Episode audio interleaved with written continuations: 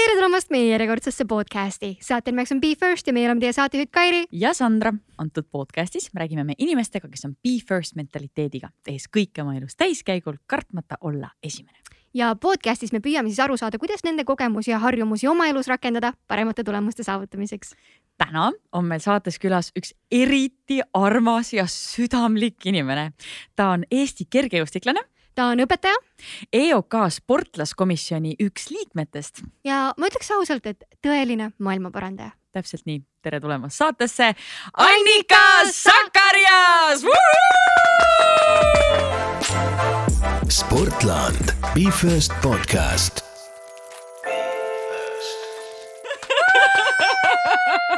väga hästi peidetud me just äh, juurdlesime selle üle, et mismoodi hääldada sinu perekonnanime ja me saime aru, et see on Sakkarias. ja sellel on no, väga ilus. teistmoodi seda jälle ei hääldanud. aa, ma ka ei saanud aru, et teistmoodi oleks olnud. Sakkarias, okei okay.. Sakkarias, mis see tähendas? jah, no okei okay,, Kairi küsi mis see tähendas ja äh, kreekakeelsest äh, sõnast õnnelik on see tulnud siis nii et kui keegi tahab näha, milline õnnelik inimene, siis võite Youtube'i hüpata ja vaadata tõepoolest on üks kõige positiivsem ja. inimene meil üle laua siin kuidas perekonnanimi defineerib äh, inimese olemust, siis on ta-ta-ta. kas sa oled kogu aeg nii õnnelik? ma ei oska öelda suurem osa ajast aga me hakkame pihta esimeses, see, mis lause see nüüd on? me hakkame selle esimeste mänguga vaata. sa pole ammu seda mikrofoni öelnud, siis hakkab kohe keel nagu. Kairi, võta üle mäng on siis meil lihtne, äh, meie alustame lauset, sina lõpetad selle ja räägime siis sinu esimestest. ja ma kohe võtan kohe esimese ette. võta. esimene võit. ütlen ausalt, ma olen neid podcast'e nii palju kuulanud ja mul on nii mitu versiooni ja kui mul läheb kaua aega nende vastustega, siis ma valin versioonide vahel lihtsalt aga sa võid meile kõik versioonid ette kanda, meil ei ole selle vastu mitte midagi Läheb päris pikaks siis. no läheb, siis läheb. esimene võit äh, võib-olla ütleks, et eesti keele üks kirjand läks nii hästi, et ma sain klassi ees ette lugeda, aga see oli suur asi minu jaoks, sest äh, eesti keel ei olnud, ei ole mul väga hästi läinud. Sa nimetad seda võiduks või, see oleks minu õudusunenägu lihtsalt, ma pean ette lugema mingeid asju klassi ees kolmandas klassis. okei okay,, ja see ettelugemise koht oli päris hirmus, aga see koht, et, et see, see oli õnnestunud. et see oli nii hea jah, et taheti. Okay.. kas sa mäletad, äh, mitmendas klassis see oli ka?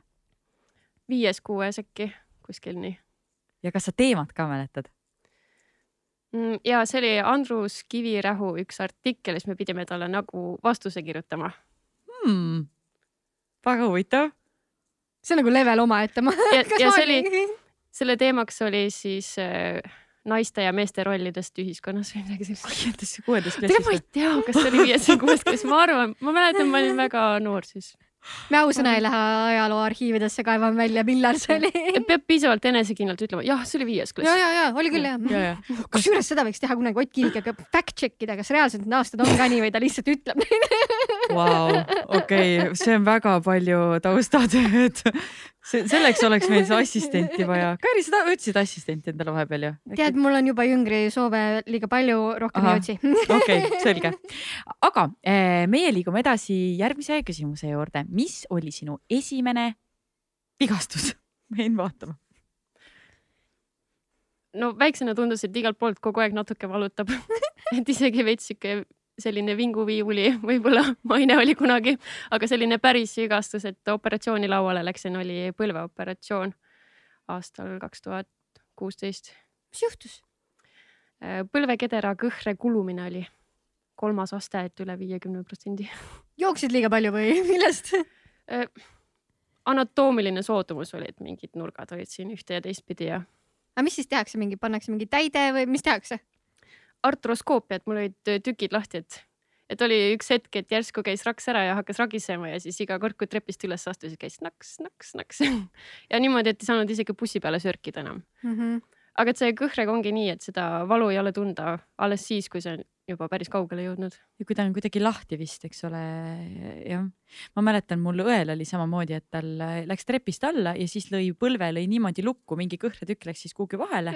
et ta põhimõtteliselt ei saanud, ta oligi niimoodi mm -hmm. ja ei saanudki jalga sirgeks, sirgeks lükata. aga praegu sa oled kõik kenasti taastunud ja ei ole mingit probleemi, et sporti kannatab teha ja paar aastat pärast operatsiooni ei saanud üle viie kilomeetri sörkida ja teinekord siiamaani annab tunda, näiteks pakkudelt välja tulles, et paar aastat tegime niimoodi, et läksime võistlustele, nii et ma olin võistlust, ei, trennis olin ainult paar korda pakkudelt teinud, et mingid teatud harjutused, sammhüppeid hakkasin ka alles see aasta tegema. Vau, neli Aga- aastat hiljem. no ta on äh, selline asi, et tegelikult altern- alternatiivseid äh, võimalusi on nii palju, et see ei ole mõtet lihtsalt onju lõhkuda. jah, et pigem karta kui kohe, et seda pigem niimoodi jah. okei okay. No ma arvan, et me selle, selle spordi tegemise juurde saame natukese aja pärast veel tagasi tulla ka. Kairi, aga mina võtan järgmise küsimuse. esimene seiklus. Äh, olen üles kasvanud Lasnamäel ja meil oli hästi lahe naabruskond, et lapsed olid seal kõik nii pluss-miinus kolm-neli aastat ja siis äh, me mängisime seal politseid ja pätti küla peal nii-öelda tänavate vahel. kas sa olid politsei või sa olid pätt? mõlemad olime, me olime nagu kordamööda. Et õde ja siis äh, naabrilapsed. ma ei ole kunagi seda mänginud, kas see tähendab lihtsalt seda, et kõik mingi jooksevad laiali ja püüavad üksteist kätte saada või nagu, mis see loogika seal taga on? ja seal oli niimoodi, et äh, üks grupp läks ees ära ja teised pidid nad üles leidma mm. ja siis sa Mm. pidid neid puudutama, et siis nad lähevad nagu vangi või midagi sellist. ehk siis Lasnamäe peitus. põhimõtteliselt jah, aga et see maa-ala oli hästi suur, et sa otsisid nagu tund või kaks neid inimesi. kas teil vanemad lubasid niimoodi trippida, sest Lasnamägi ei tundu nagu päris sihuke kant, kus nagu go have fun. Nemad teadsid, et me oleme maja ees vaesed vanemad alati nagu. ja nad olid ikka kohati päris kurjad ka, kui see välja tuli aga ei pandud see- koduaresti või pandi ka? mm.. no see pigem oli selline arutelu, et eh, mis riskid oleks võinud tulla ja miks me nii mures oleme, selline väga analüütiline lähenemine. Ja siis oli väga piinlik ja siis sa vaatasid maha niimoodi, et ja siis nädala pärast läks see meeles ja siis on jälle, mängime uut mängu, mängime hukakat. kas äh, need inimesed, kellega sa lapsepõlves koos mängisid, kas te suhtlete jätkuvalt? üks inimene sellest seltskonnast on mu õde, temaga suhtlen kogu aeg. teised inimesed on, kes on välismaale elama läinud ja nii edasi, aga et oleme kokku puutunud küll. Ma just mõtlen, et äh, selliste lapsepõlve sõprade hoidmine on alati päris keeruline, et äh, palju lihtsam on hoida neid, kes äh, kuskil ülikoolis sinuga või, või keskkoolis sinuga kokku puutuvad, et äh, seda on nii põnev alati kuulda, et, et kas, kas on kellelgi, kellel on või kui vana on su kõige vanem sõber mm,. päris huvitav ja kahjuks on jah nii, et teed lähevad lahku ja kasvatakse üksteisest natuke eemale. aga et kui näeme, siis on väga tore. Äh, meenutate pa- politseid ja pätti.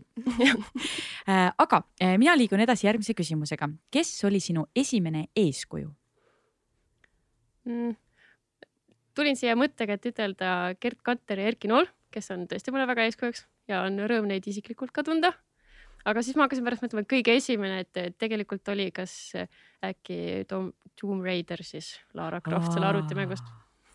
Et See- see, vist see see oli tuli- kõige ennem ja, kas see tuli seal politseil ja pätil ka kasuks natuke? ja võib-olla küll ja, et kui ma ise olen selline argpüks, et siis kujutasin ette, et olen keegi, kes ei karda midagi. aga Gerd Kanter ja Erki Nool, mis tunne sul on nendega praegusel ajal äh, koos Eesti spordiasju tegelikult ajada?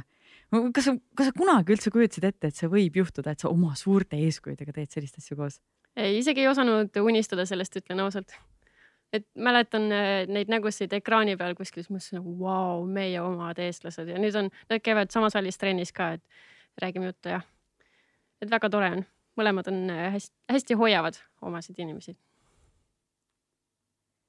Tore on kuulda seda, et ikkagi Eesti sportlased on üksteise jaoks olemas, mul on ka kogu aeg siuke tunne nagu olnud, et hoitakse üksteist nagu. ja, ja ma lihtsalt mõtlen, et äh, see, kas sa mäletad ka seda, sorry, ma lähen siia tagasi lihtsalt kogu aeg, sest see on nii äge, ma kujutan ette, see on nii äge tunne, et kui sa saad esimest korda kohtud nende inimestega, kellele sa oled hästi pikalt äh, alt üles vaadanud, et äh, kas sa mäletad neid het-, seda hetke ka, kus sa esimest korda nendega mingit, ma ei tea, mingi koosolekul koos olid või? Mm, Erki Noolega oli nii, et ma tegelikult põhikoolis käisin Erki Noole kergejõustikuklubis, et siis ma olin teda nagu eemalt alguses juba näinud, sain natuke kohaneda, aga sellist päris esimest momenti temaga ei mäleta. Gerd Kanteriga oli siis jah, see hetk võib-olla kergejõustiku sportlaskomisjoni laua taga siis ma istusin ta lähedal, siis ma niimoodi vaatasin ja muigasin ja vaatasin ja muigasin, midagi rääkida ei julgenud. tegi salaja pilti, saatsid, saatsid õele. õnneks tehti grupipilt seal. Väga äge. no sellest äh, olümpia, olümpiasportlaste komisjonist, ei, kuidas seda nimetatakse? ja sportlaskomisjon. sportlaskomisjonist on ju, sellest me saame kindlasti pärastpool rääkida, see on üks väga-väga põnev teema äh,. aga meil on veel esimeste mängul. ja kaks viimast küsimust on. esimene tund mm, mäletan seda hetke, kui me olime Sikupilli keskkooli eh, eesruumis, aulas oli see esimene kell või pidime suurtest laste, suurte laste käest kinni võtma, siis ma vaatasin niimoodi üles, issand, millal see ära lõpeb, et nad on nii pikad. ja siis äh, mäletan, ma ütlesin emale, et issand, ma nii kardan, siis ta ütles, et ära karda, et siis sa saad oma parima sõbranna. Ja siis ma istusingi oma sõbranna kõrvale, kellega me olime pärast äh, väga mitu aastat äh, sõbrannad et lihtsalt pinginaaber, suvaline inimene, keda enne ei tundnud jah? ja, aga tema oli samamoodi seal seina ääres ja vaatas maha ja kartis teisi niimoodi ah,, ma lähen tema juurde et ma olin samasugune. kui ma vaatan su sotsiaalmeediat, siis sa ei tundu tegelikult üldse arg inimene. ja ma tean ja seda üteldakse mulle päris tihti. aga kust see või millest see tuleb, sa? Instagramis see on kuidagi kontrollitud, sa mõtled päris pikka aega, mida sa postitad ja kuidas sa postitad ja mõtled kõik riskid läbi, et mis sealt vastu võib tulla ja nii edasi. ja siis sa kuidagi teed selle ära ja siis paned mobiili kinni ja läheb minema mm. -hmm. et sa ei näe nagu kohest reaktsiooni kuidagi. okei okay,, tundub safe im tegevus jah?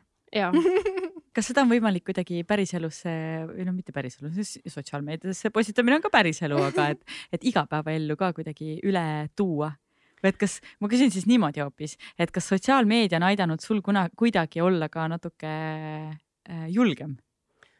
ja on küll olnud ja kui sellised esimesed eduelamused tulid, et siis see andis julgust juurde, aga avaliku esinemisega või kasvõi kui ma esimest korda kolmanda klassi laste ette läksin, käed värisesid täiesti, aga see kõik on treenitav eh,. siis õpetajana? ja õpetajana siis juba. aga kuidas sa treenid seda? lihtsalt ongi hästi palju äh, avalikku esinemist. mul ema on ka selline hästi toetav. Et ma mäletan, et äh, koolis viisin läbi äh, sellist autasustamist, et algklassi lapsed tegid jõuluehteid ja ma pidin kõigile andma siis diplomi. Ja ma mäletan, ma lugesin neid nimo, nimesid niimoodi ette, et lapsed ei saanud aru, kes ette peab tulema, sest käed värisesid lihtsalt. et nagu väikeste laste ees ka, nad lihtsalt vaatasid mind sellise näoga, et mida sa teed seal? Aga lapsed on kõige hullem auditoorium minu arust, sest nad on nii ausad ja, ja kriitilised nagu, et täiskasvanud inimestega on nagu natukene safe im kuidagi. Mm jaa, täiesti, täiesti nõus, täiesti nõus. siis alustasin valest otsast ei no kohe läheb hardcore'i peale, ei ole midagi, kui see selge, siis on kõik muu ju lebo aga sportlasena, kas see, see tagasihoidlikkus on sinu jaoks kuidagi voorus või see hoiab sind tagasi mm.? ütleks nii, et võistlusareenil, see on justkui mingi roll, mida sa kehastad, et tegelikkuses olen ikka teine inimene. kes sa võistlusareenil oled, kuidas sa ennast iseloomustaksid kuulan mingit sellist äh, tümmi ja värki ja sihuke powerful woman, sihuke lähed andma ja lased looma välja, aga siis päriselus on sihuke, mõtled issand, mida ta minust mõtleb kas päriselt? ja see on, ma, mul on spetsiaalsed playlist'id, mida ma enne võistlusi kuulan, et seda mindset'i saada ja niimoodi. nii, mis seal playlist'is sees on, ma tahan teada. ma tahan teada pärast Annika jagab sulle playlist'i, saad ka joosta ja olla beast within me. ma võin seda maigutada no,. niimoodi ma siia ei ütle, et siis Youtube'ist inimesed näevad. Nonii no.. et see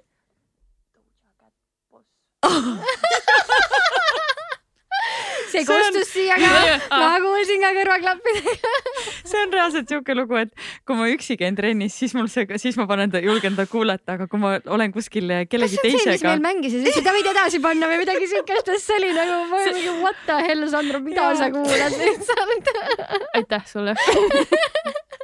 Ei no aga see on siuke nagu trust-trust, sa tõmbad käima küll vahepeal, et. aga ma ei saa aru, miks sa siuke või noh, sa oled nii ilus, nii intelligentne, nagu sul ei ole mitte mingit põhjust mitte midagi karta.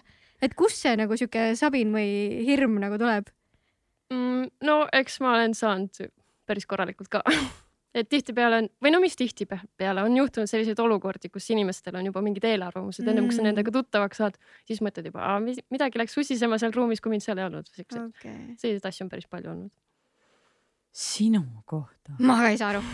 ma ei usu. näidake mulle seda ruumi, okei okay.. no te olete nii armsad inimesed ka, et ma ei kujutaks ette, et te kellegi kohta midagi halvasti ütleksite no, üksteise kohta räägime. kurat, Sandra, sa jälle jätsid selle tegemata, Sandra ja, ja mul ei ole Kairi kohta midagi öelda, sest et tal on kõik asjad kohta. okei aga äh, me võtame viimase esimeste mängu küsimuse ja räägime sinu esimesest läbikukkumisest mm. see jääb ka kuskile, kuskile lapsepõlve Lasnamäe aegadesse, et äh, kaotasin koduvõtmed ära ja siis pidime ukse luku välja vahetama. sihuke väike asi ikka juhtub. aru vititi on siis või? No see oli pigem selle mõttega, et meil mm, ülejärgmine maja oli ühiselamu, mis oli politseikroonikas üle nädala, et siis see oli Mm. pigem selle mõttega. et see oleks safe im jah mm. ja et kohalikud inimesed ikka teavad, kes, mis paraadnes elab ja nii edasi. mm. kas, kas see, et sa oled, ma nüüd võib-olla saan mingi hunniku hate meili peale seda, et aga kas see, et sa oled Lasnamäel üles kasvanud, on kuidagi mõjutanud sinu üldist praegust olemist, olemust ka? Ja on küll päris palju, mitte et ja selline mulje jääb jõhkralt life selline mis elu elanud, eks, aga olen näinud asju, mida ma arvan, enamus inimesi ei ole näinud, et, et see kindlasti kujundab, ah jälle ma näperdan et äh, kasvasin üles ka, käisin kaksteist aastat äh, kohalikus koolis, et seal nägin nii mõndagi. Selline peksmised, sellepärast et sa näed teistsugune välja, et see on niisugune tavaline asi. ja kõige ja kõige naljakam on veel see, et need inimesed, kes olid siis nii-öelda äh, agressiivsed, olid siis äh, minu sõbrad. aga et siis sa näedki seda teist külge, et kui sa Mhm. kuuled seda lugu, mis seal taga on, siis see tundub täiesti loogiline, miks ta selline on. -hmm. et see on ka võib-olla üks põhjuseid, miks ma õpetajaks hakkasin, et sa mõistad seda teist poolt lihtsalt võib-olla te läbi teise pilgu. ja see põhjus oli siis tavaliselt, kas seal oli mingisugune selline ühtne nimetaja? Mm, no ja suures laastus öö, see, et öö, laps ei ole tuge saanud Mm. ja noh, selline võib-olla vanematel kriminaalne taust ja mingid sellised asjad ka juurde, et kas seda on halb öelda, aga selline klassikaline case? ja et kui neid lugusid kuulda, siis tundub kõik täiesti loogiline. kas see ongi sinu normaalsus, kui sa kasvad üles siukses keskkonnas onju? ja no ma ei tea täit tervet lugu ka, aga mm. -hmm. aga et lihtsalt, et ei no isegi kui tagasi vaadata ja mõelda, et kes olid oma klassis näiteks need, kes olid rohkem pullid onju, et siis oli ka suht sarnane nagu muster. mm -hmm. kas sa näed seda praegu õpetajana ka sellist, seda, sedasama mustrit, kas see on läinud hullemaks või? siin on jällegi see, et ma ei ole klassijuhataja, ma ei tea tervet lugu, aga üht-teist tunnis kogemata libiseb välja ja siis ongi seal olnud, et eh, näiteks koolivälisel ajal on olnud eh, vägivalda ja siis võtsin käest kinni ja viisin kohe tugikeskusesse ja niimoodi, et, et sellist asja ikka juhtub. aga õnneks väga harva. tänapäeval on vist see kõik kolinud eh, sinna sotsmeediasse, kus see kiusamine põhimõtteliselt käib. ja, ja see on, see on asi, mida meie üldse ei näe kahjuks. ma näen, ma võin kõike anda, ma, ma istun kogu aeg Tiktokis Aa, no nagu päriselt? ei no seda on ikka hardcore'ilt on ikka, sa näed ju ära, ega seal võetaksegi aeg-ajalt mingid konkreetsed inimesed ette, keda hakatakse siis nagu tümitama nagu. ja kuna Eestis eh, TikTok viskab ju algoritmina sulle ette Eesti content'i, siis sa näed väga palju ikkagi, mis seal toimub.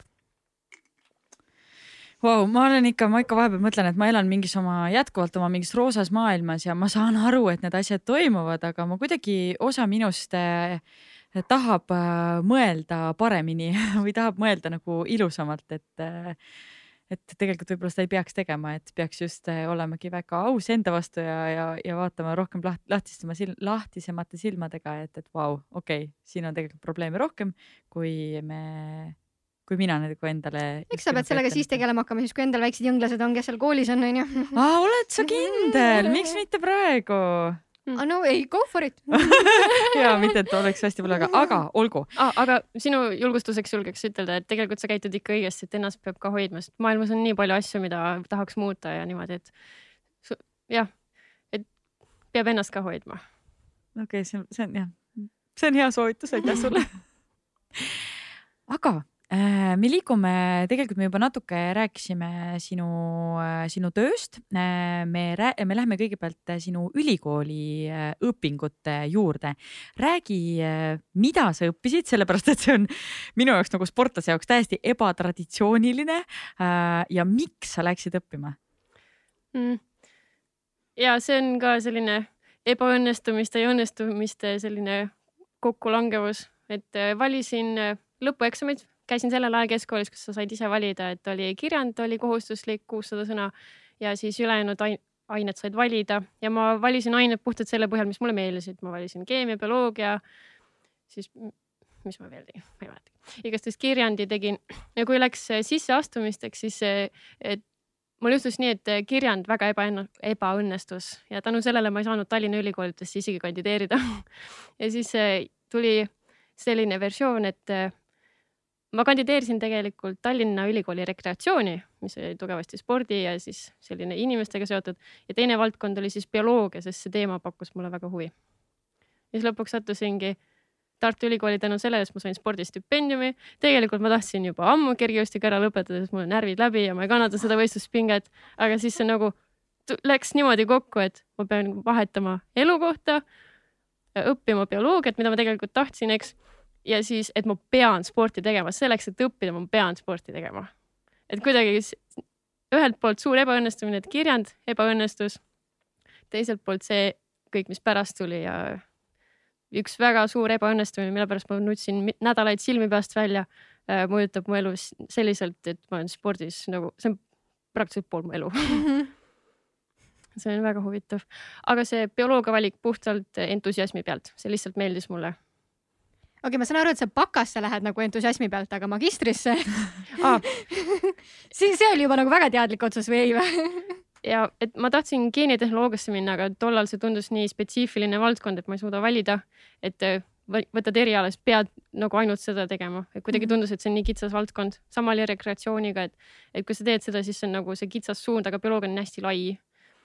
ja biokeemia tuli sellest, et ma äh, bakalaureuse teisel aastal läksin äh, biokeemia laborisse lõputööd tegema, kuidagi see maailm nii meeldib mulle, kõik see pisike maailm, et mõtled küll, et see on loogiline, et ma hingan ja käin ringi, aga tegelikult seal on raku tasandil nii palju asju, mis toimub. et selline elava kujutlusvõimega tundus see nii põnev maailm.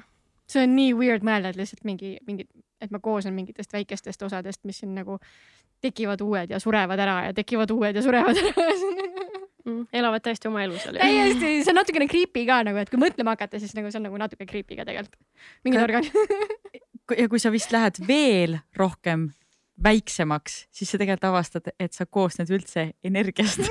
Mm, see mulle meeldib, Et vaata, see ei ole creepy, see on cool nagu, uu, ma koosnen energiast, aga et mul on nagu mingid rakud, mis, mul on mingid surnud rakud. ja ma hakkan ka sügelema nüüd selle jutu peale.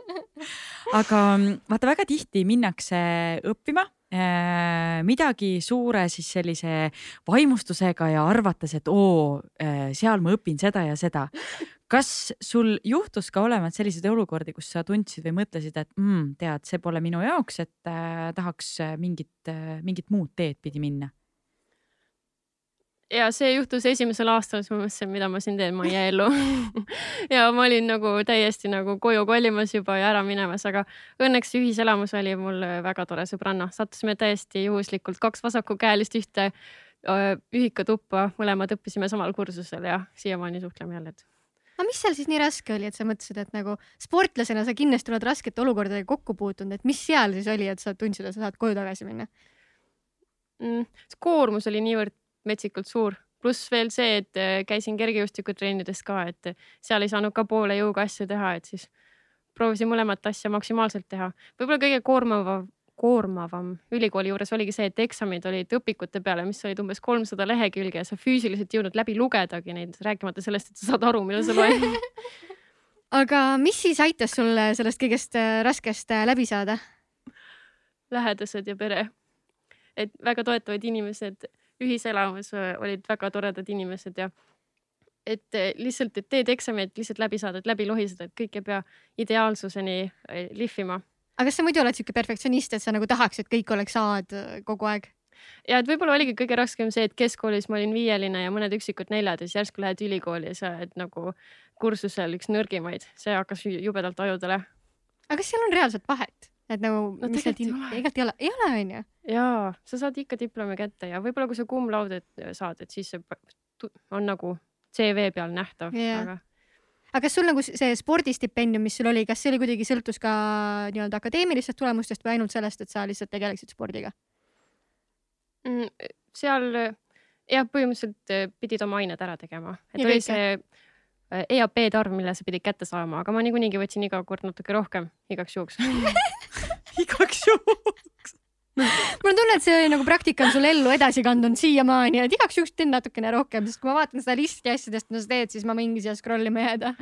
ja see on probleem, ma ei oska ei ütelda, see on nagu ma tõsiselt tegelen sellega. aga kas sa tahad õppida ei ütlema või sulle meeldib tegelikult natukene, et ongi nagu palju ja ägedaid asju, mida sa saad teha? tegelikult see väga viib edasi ja annab energiat. aga kui siin ongi selline koduõppeperiood ja järsku sa võtad hoo maha ja siis mõtled, issand, nii saab päris hästi elada, siis mõtled küll, et enam ei viitsi. aga ma küsiks seda, et mulle tundub, et sa oled hästi süsteemne inimene. ja mul on siin ka märkmik. ma ma olen seda neli-viis korda täiendanud. mul mis on siin eraldi leht Be First. mis ettevalmistus? aga mis, mis on, mida mul ei ole? OCD-ga probleeme, lihtsalt, lihtsalt tegin viis korda seda konspekti. aga ma mõtlen, et kas sul, kas sa mäletad, kas sul olid mingisugused kindlad süsteemid, kuidas sa õppisid? sest et kui sa ütlesid, et sa läksid, tulid viielisest, viielisena keskkoolist, läksid ülikooli, kus sa tegelikult ei olnud nii justkui nagu nii tubli ja nii kiidetud. et kas sa mäletad, olid sul mingisugused, ma ei tea, mingid nipid, et, et paremini õppida või paremini hakkama saada või et äh, ja võib-olla äh, paar motot äh, Sikupilli keskkoolist, et kui kuidagi ei saa, siis kuidagi ikka saab. ja parem kui mitte midagi. see on see, et key to happiness is low expectations. Aga et äh, võib-olla, kui ongi mingisugused raskemad signaalrajad, kus seal on mingid täiesti seosetud tähed üksteise otsas reageerivad üksteisega, et siis väga palju kasu oli mul Youtube'ist ja siis skeemide joonistamisest. see võttis küll aega, aga nii jäi palju kauemaks meelde.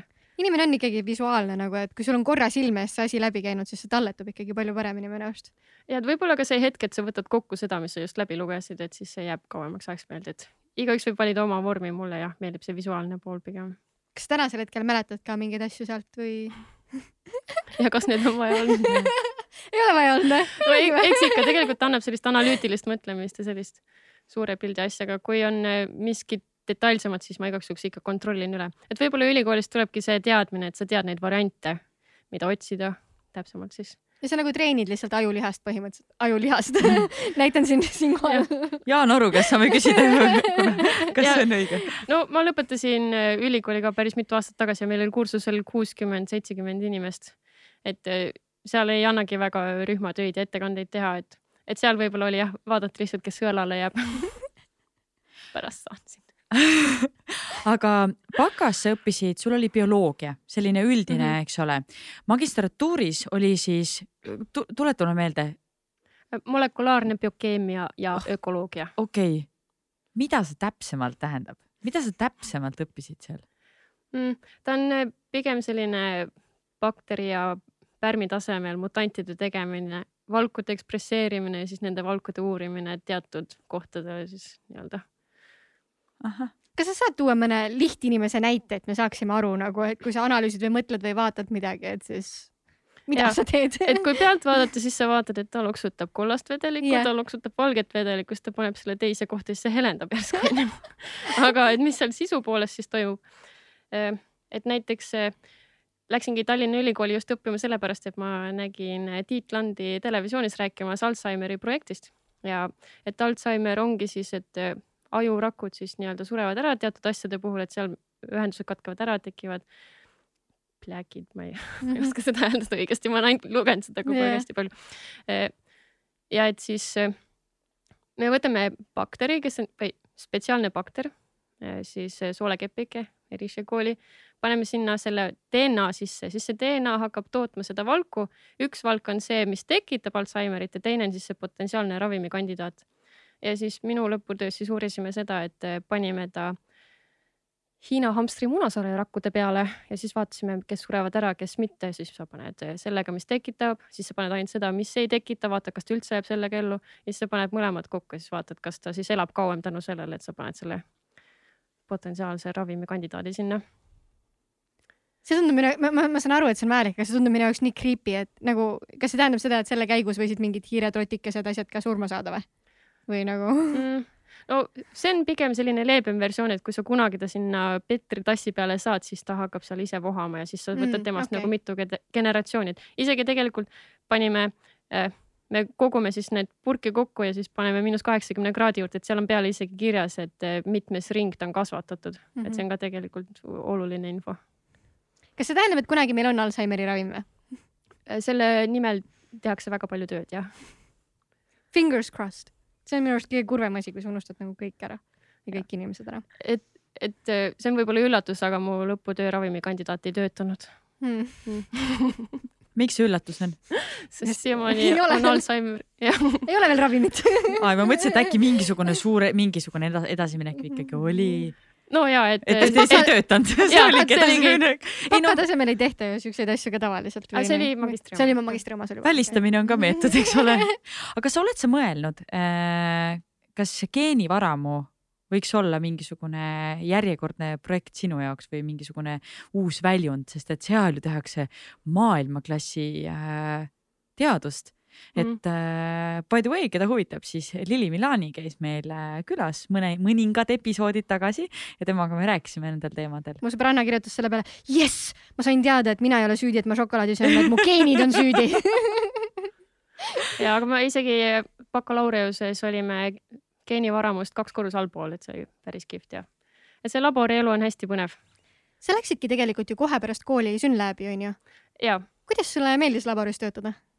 No see oli hästi põnev, et äh, kogu aeg ongi selline missioonitunne olnud, et tahaks teha midagi, mis äh, muudab teiste elu paremaks või kuidagi selline suur, lähme teeme nüüd asjad paremaks ja siis meditsiinilaboris töötamine oli ka üks äh, nagu tee selleni.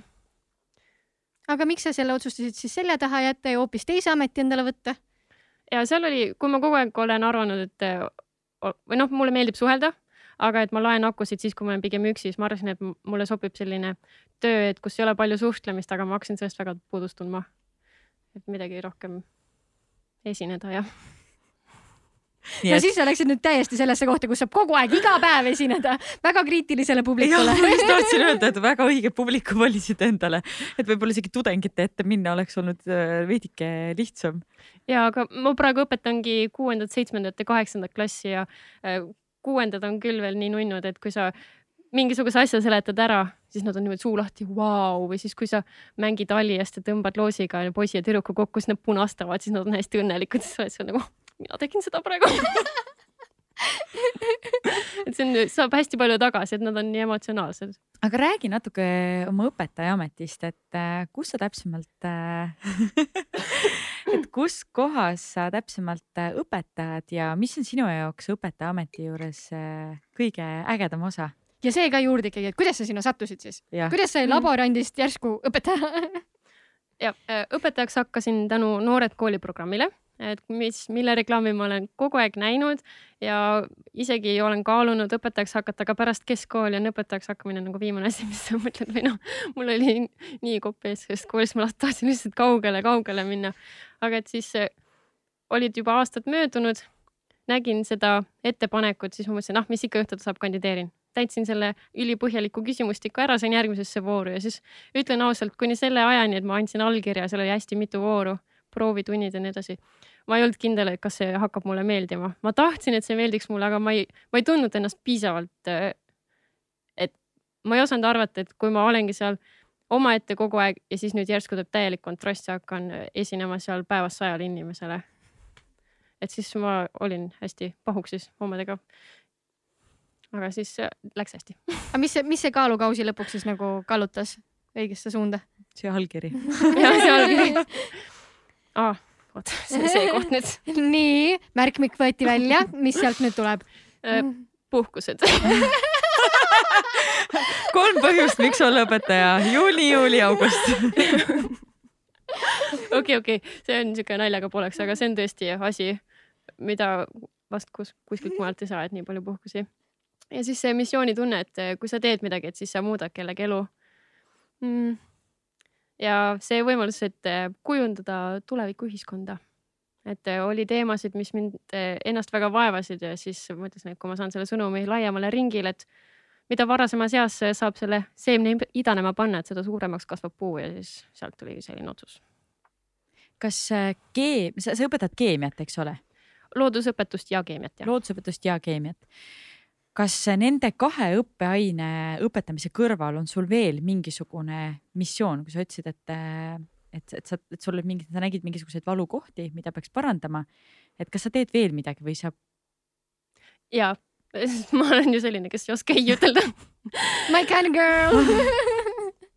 Ja et äh, vean veel koolis äh, Rohelise kooli huviringi, mis siis on siis selline keskkonnasõbralikkuse äh, huviring ja siis äh, vean eest koos teise ühe ajalooõpetajaga Rohelise kooli õpikogukonda, et mis siis tegelebki kooli loodussõbralikumaks muutmisega. sa võid öelda selle kooli nime ka? ah, ja ma ei ütelnudki veel, issand ja, Jüri gümnaasium, tervitused no Jüri gümnaasium üldse minu arust on väga innovaatiline väga paljudes äh, tegemistes, et ma mäletan seda, kui aastaid tagasi äh, tehti teile suur spordi, spordihoone ja spordikeskus, et äh, siis hakkasid, hakkasid seal kõik igasugused asjad hakkasid toimuma, et kas sa, kas sa seal trenne ka teed? Läksin sinna ja sellise mõttega, et vau, milline jõusaal, ma hakkan kord nädalas käima, ma olen sinna kaks korda jõudnud. aga kas sa õpetad? aga õpetamise mõttes või, või te, teistele trennide tegemises mm,? nii kaugele ei ole jõudnud. mina üldse ei saa aru, miks sa kehalise kasvatuse õpetaja ei ole? tahtsin, aga kohad olid täis. Tegelikult. ja seal on väga tugev konkurents ja ma mõtlesin, et ma saan kuidagi niimoodi äh, nad osaliselt kehalise kasvatuse õpetajaks ja osaliselt siis äh, seda ainet õpetada, mis on noored kooliainetega, et seal on pigem sellised reaalained ja niimoodi aga et ei saanud jah. aga kas ja kuidas üldse nagu, kas kehalise kasvatuse õpetajal ei peaks olema mingeid eraldi pabereid tehtud või, või, või?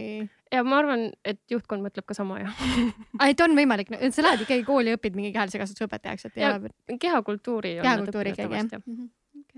No mul on küll ka omad lood siia panna, aga me sellest praegu hetkel ei, ei, ei räägi no ja tegelikult eks kindlasti ega paber ei tee inimest, et on ikkagi see vaev ja huvi mm -hmm. seal taga tegelikult Tallinna Ülikoolis on ju see, et sa esimestel aastatel, ma nüüd ei teagi, magistrantuuris minul oli küll vähemalt, et esimesel aastal on hästi laiapõhiline üldine pedagoogikaõpe mm.. et äh, tegelikult alles teisest aastast sa saad need väga spetsiifilised kinesioloogiad või oli esimesel aastal ka ühesõnaga, et tegelikult äh, sa pead osk-, sa pead olema pedagoogiliselt pädev, sa pead teadma, kuidas lapsi õpetada, sa pead äh, tundma noorte psühholoogiat ja see ja sinna peale siis saad hakata spetsialiseerumis või spetsialiseeruma, et äh, et kas sa tunned, et näiteks kui sa peaksid olema nüüd kehalise kasvatuse õpetaja, kas sa saaksid sellega hakkama?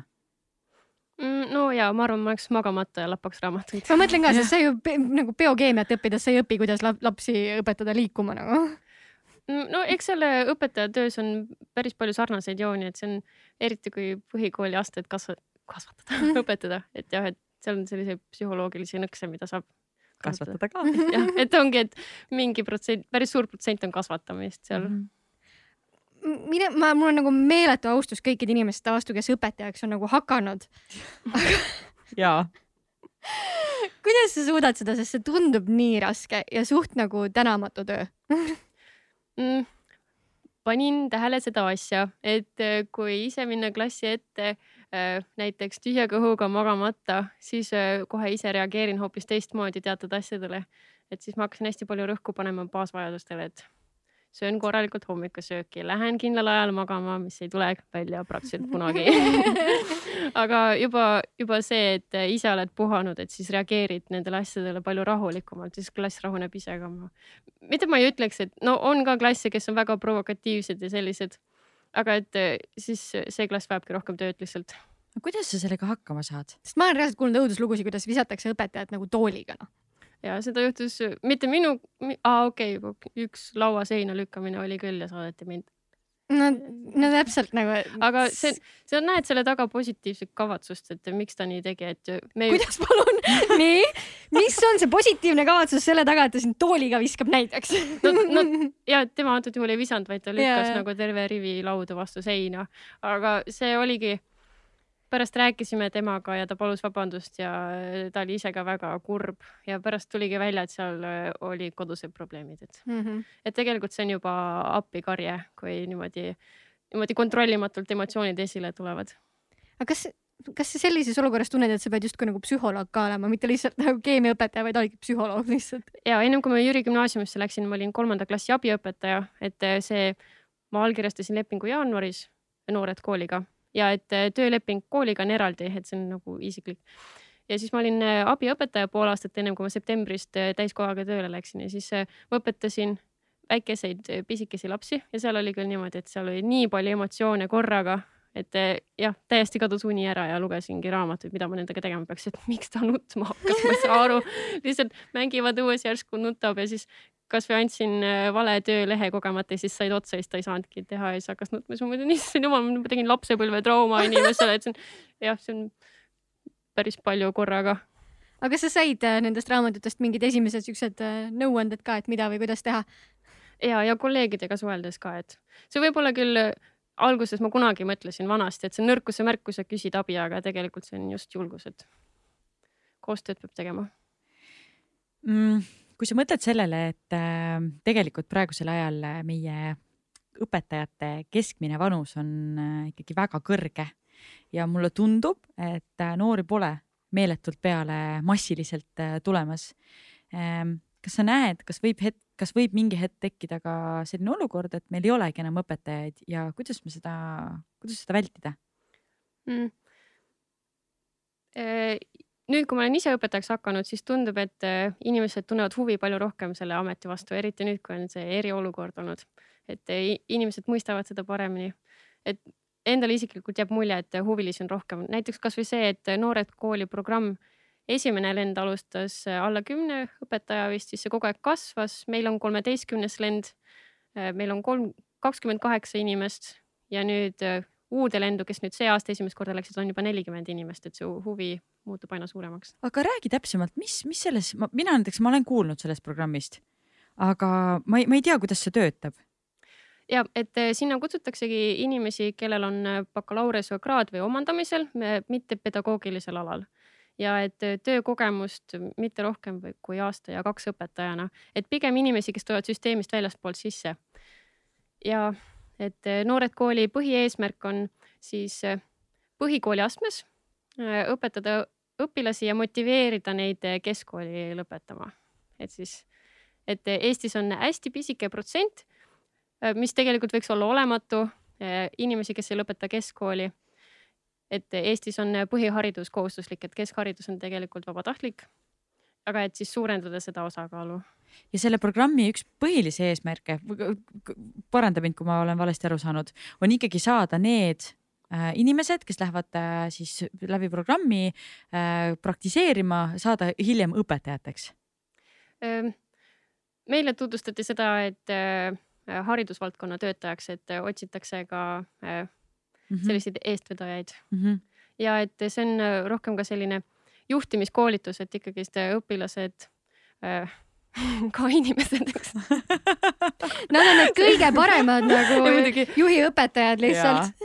ja et ma kujutan, selline arvamus on jäänud, et kui inimesed kujutavad ette, et juhtimist, et siis on ettevõte ja sada-kakssada töötajat, aga tegelikult õpilastega tegelemine on ikka paras katsumus ja siis me saame hästi palju sellist juhtimisalast koolitust ja et mis võiks ka teistes eluvaldkondades kasuks tulla, et kunagi Noored Kooli reklaamiski niimoodi, et meie vilistlased töötavad Swedbankis sellel erialal ja niimoodi, et, et jah.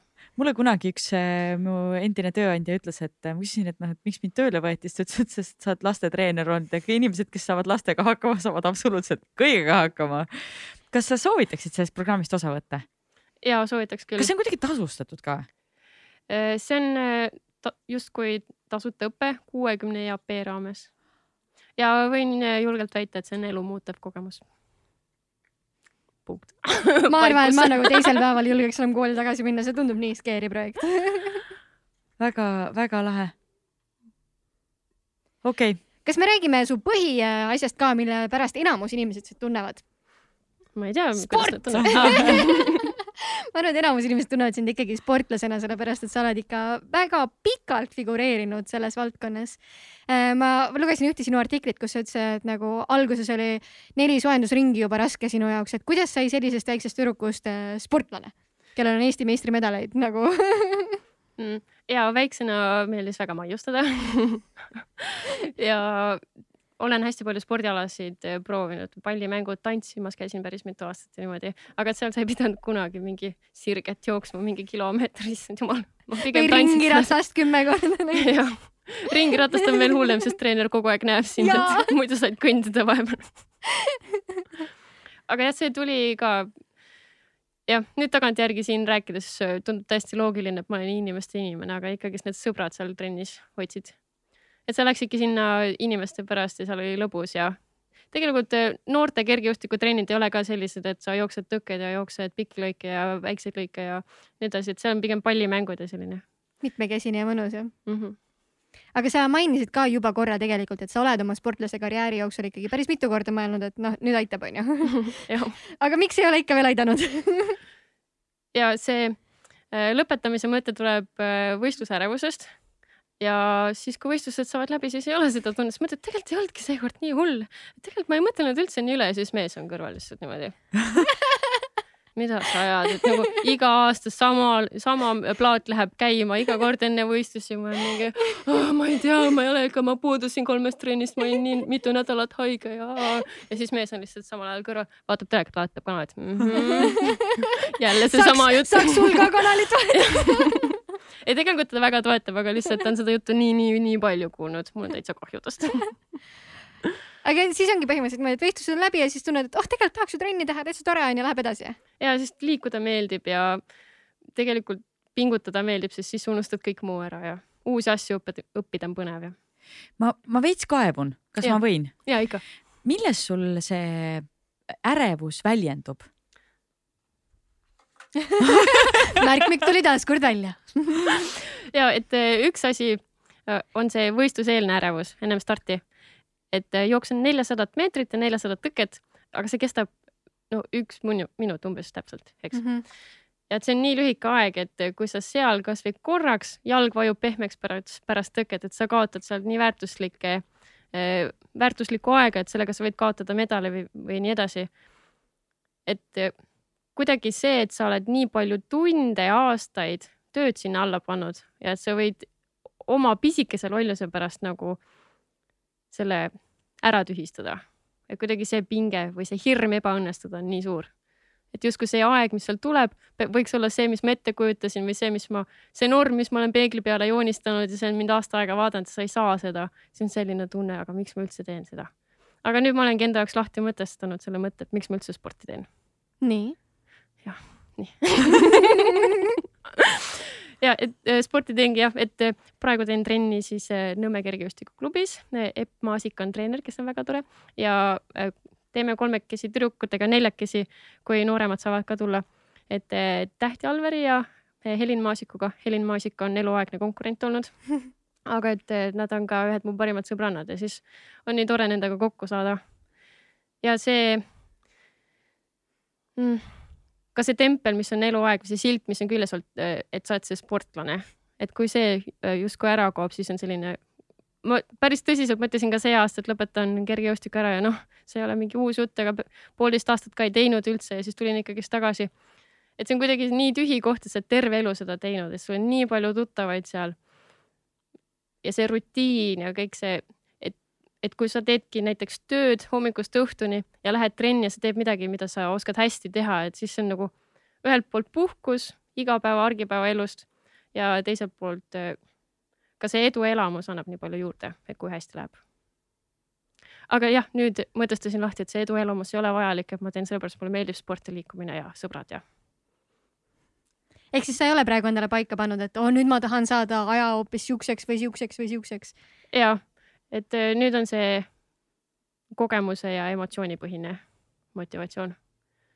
aga on sul, on sul mingisuguseid selliseid äh, suuri eesmärke ka olnud, ma ei tea, olümpia näiteks või?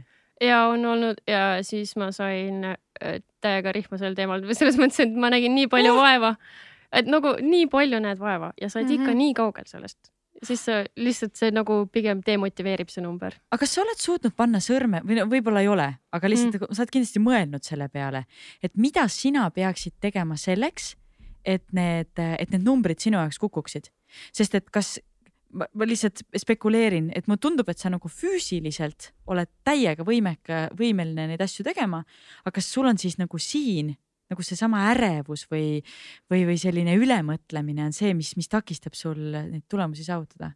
Mm, tegelikult ma arvan, see ärevus ja ülemõtlemine on üks põhjus, miks mul võistlustel just hästi on läinud, sest treeningirühmades äh, ma olen viimane ja lohisen teistele järgi jaa, mm. -hmm. et äh, ma arvan, et see ongi, et ma suudan nii ette kujutada seda situatsiooni, et teinekord, kui ma näen vanu võistlusvideoid või pilte või näen kasvõi telekast, keegi teine jookseb nelisada meetrit, mul läheb pulss lakke lihtsalt. Et, et ma arvan, see pigem keha valmistub ette nii ekstreemseks olukorraks, sest ma suudan selle nii hulluks mõelda lihtsalt et siis ongi oled kodus voodis ja see on juba sama, mis nagu võistlusplatsil jah ja teinekord on küll ja siis ma proovingi võistlustest mitte mõelda, et teinekord ei vaata isegi stardinimekirja, kes stardis on, ma lähen sama päeva hommikul vaatan, et kes seal veel on ja aga see on väga huvitav, sellepärast et tegelikult ikkagi ju sportlastele räägitakse, et kõige olulisem on see, et sa rahuned mm, Mhm. -hmm. et sa oled nagu ainult endaga, et sa ei jälgi üldse seda, mis väljaspool toimub, mida rahulikum sa oled, seda parem. sul töötab siis täitsa teistpidi. et tegelikult kui ma ei teeks neid rahustamise asju, siis ma oleks täitsa nagu pulss kakssada ja lännu. ma jõuakski.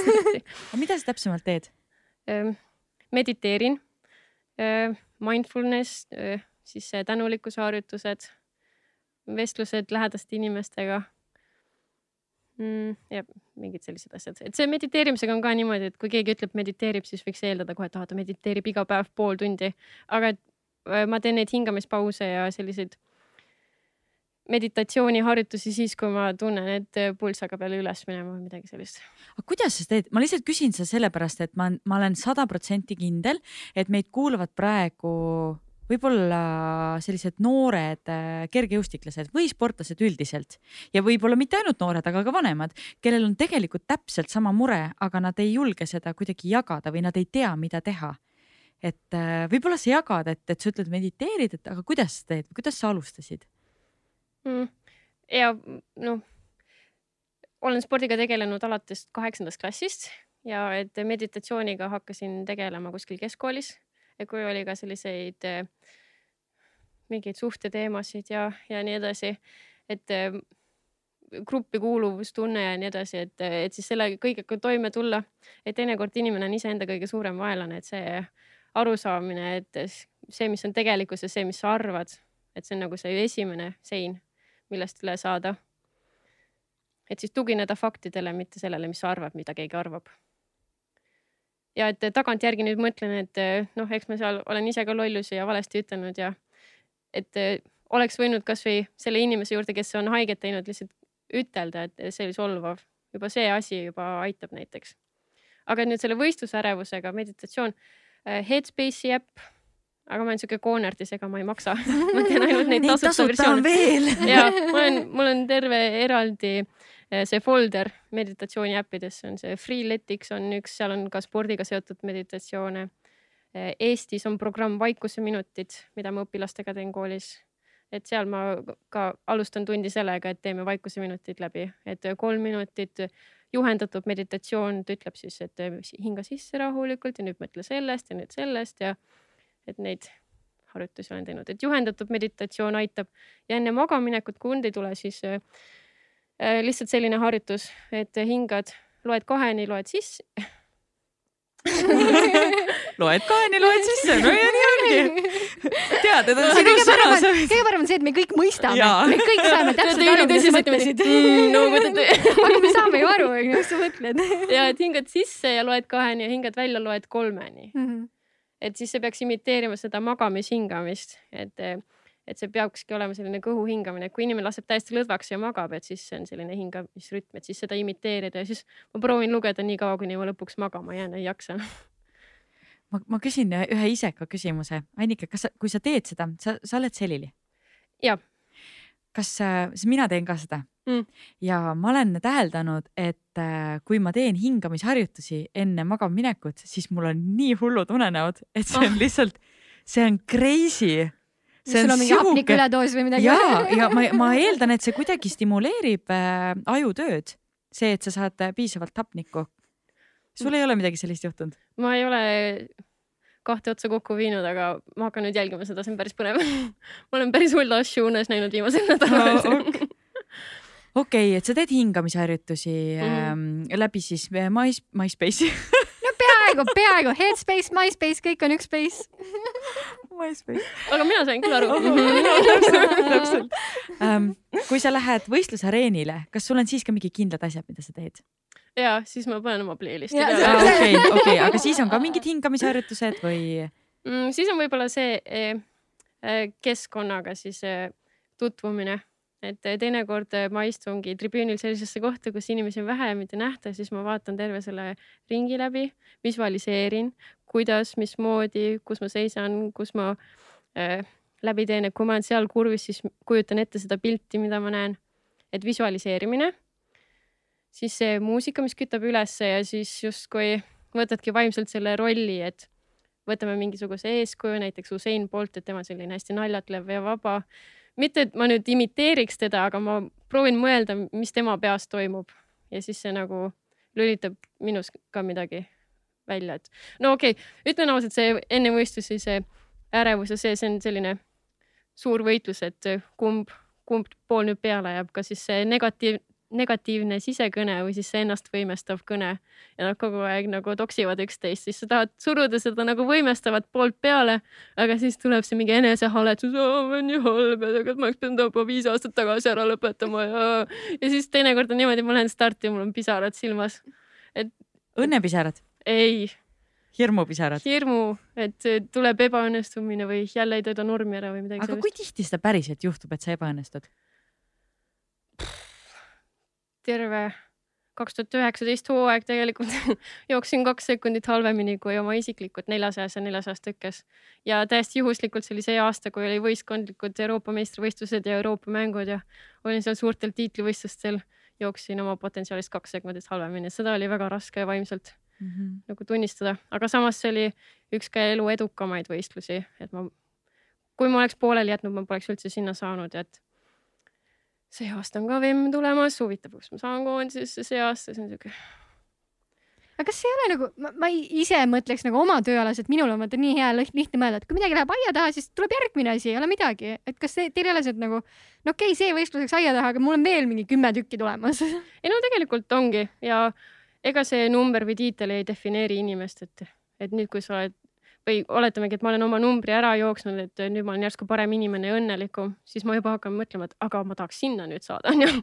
et siis tulebki see tänulikkuse harjutus sisse, et sa tuletad meelde neid asju, mille üle tegelikult peaks ja oledki õnnelik, aga lihtsalt unustad ära, sest sa oled kogu aeg mõtetega tulevikus. see on väga huvitav, aga mis see siis defineerib inimest? jah, ma olen mõelnud ka seda väga palju. Mis on üldse selle mõte nagu, onju? aga mis see defineerib meid, kui see ei ole meie nagu töö või hobid või mis siis, mis see siis olla võiks? Äh, eks see võib ka inimestel erinev olla, mis on nende isiklikud prioriteedid. minu jaoks äh, annab inimesele väärtuse see, kuidas, mis tunde ta tekitab teistes näiteks. et vahet ei ole, mis tiitel või positsioon või missugune finantsiline seis on, et see, et kuidas sa teistesse suhtud, et äh, see on minu jaoks hästi oluline. aa, nii nunnu. on väga aga ilusasti see on väga õige. kui,